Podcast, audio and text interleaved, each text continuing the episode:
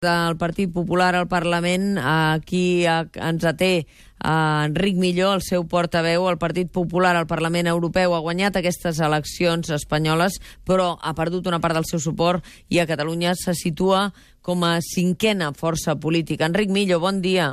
Molt bon dia, gràcies.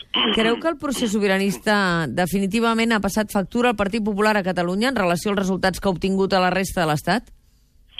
No, no crec que sigui aquesta la clau d'interpretació del, del nostre resultat. Eh? I com ho interpretem?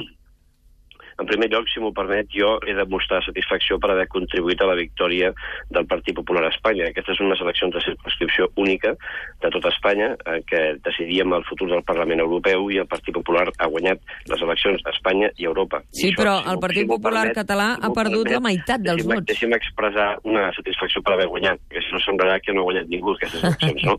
A partir d'aquí, eh, evidentment que aquestes eleccions es poden llegir amb moltes, amb moltes claus diferents, no?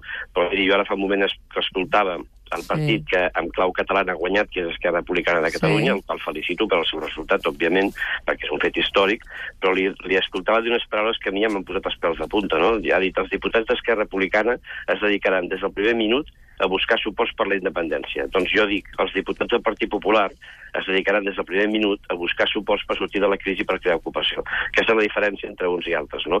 A mi m'interessava molt, a nosaltres ens interessava molt que a Europa hi hagués un partit, el Partit Popular, que estigués treballant per la recuperació econòmica, altres tenen altres interessos i ho han demostrat amb el seu vot. Aquesta és la realitat. Però en qualsevol cas, jo també crec que cal reflexionar per aquesta gran atomització del vot que s'ha produït, conseqüències d'un desencantament generalitzat, també d'un desgast d'un govern que ha hagut d'afrontar decisions i mesures molt difícils per poder sortir d'aquesta crisi. Això genera, evidentment, doncs, descontentament, desconfiança, desgast, però malgrat això, o tot i això, millor dit, la majoria prefereix que sigui el Partit Popular qui segueixi eh, governant i qui segueixi guanyant aquestes eleccions. Jo crec que aquesta eh, reflexió l'hem de fer tots del perquè d'aquesta atomització de vot, però també sense perdre de vista que hi ha una majoria de ciutadans que continuen preferint que sigui el Partit Popular qui segueixi al capdavant de la política de reformes com també del govern del futur d'Europa. Sí, però senyor Millo, eh, el Partit Popular a nivell d'Espanya ha obtingut un 26% dels vots, sí. si, no m'equivoco, i sí. en canvi a Catalunya ha, quedat, ha passat de 18 a 9, a 9.8.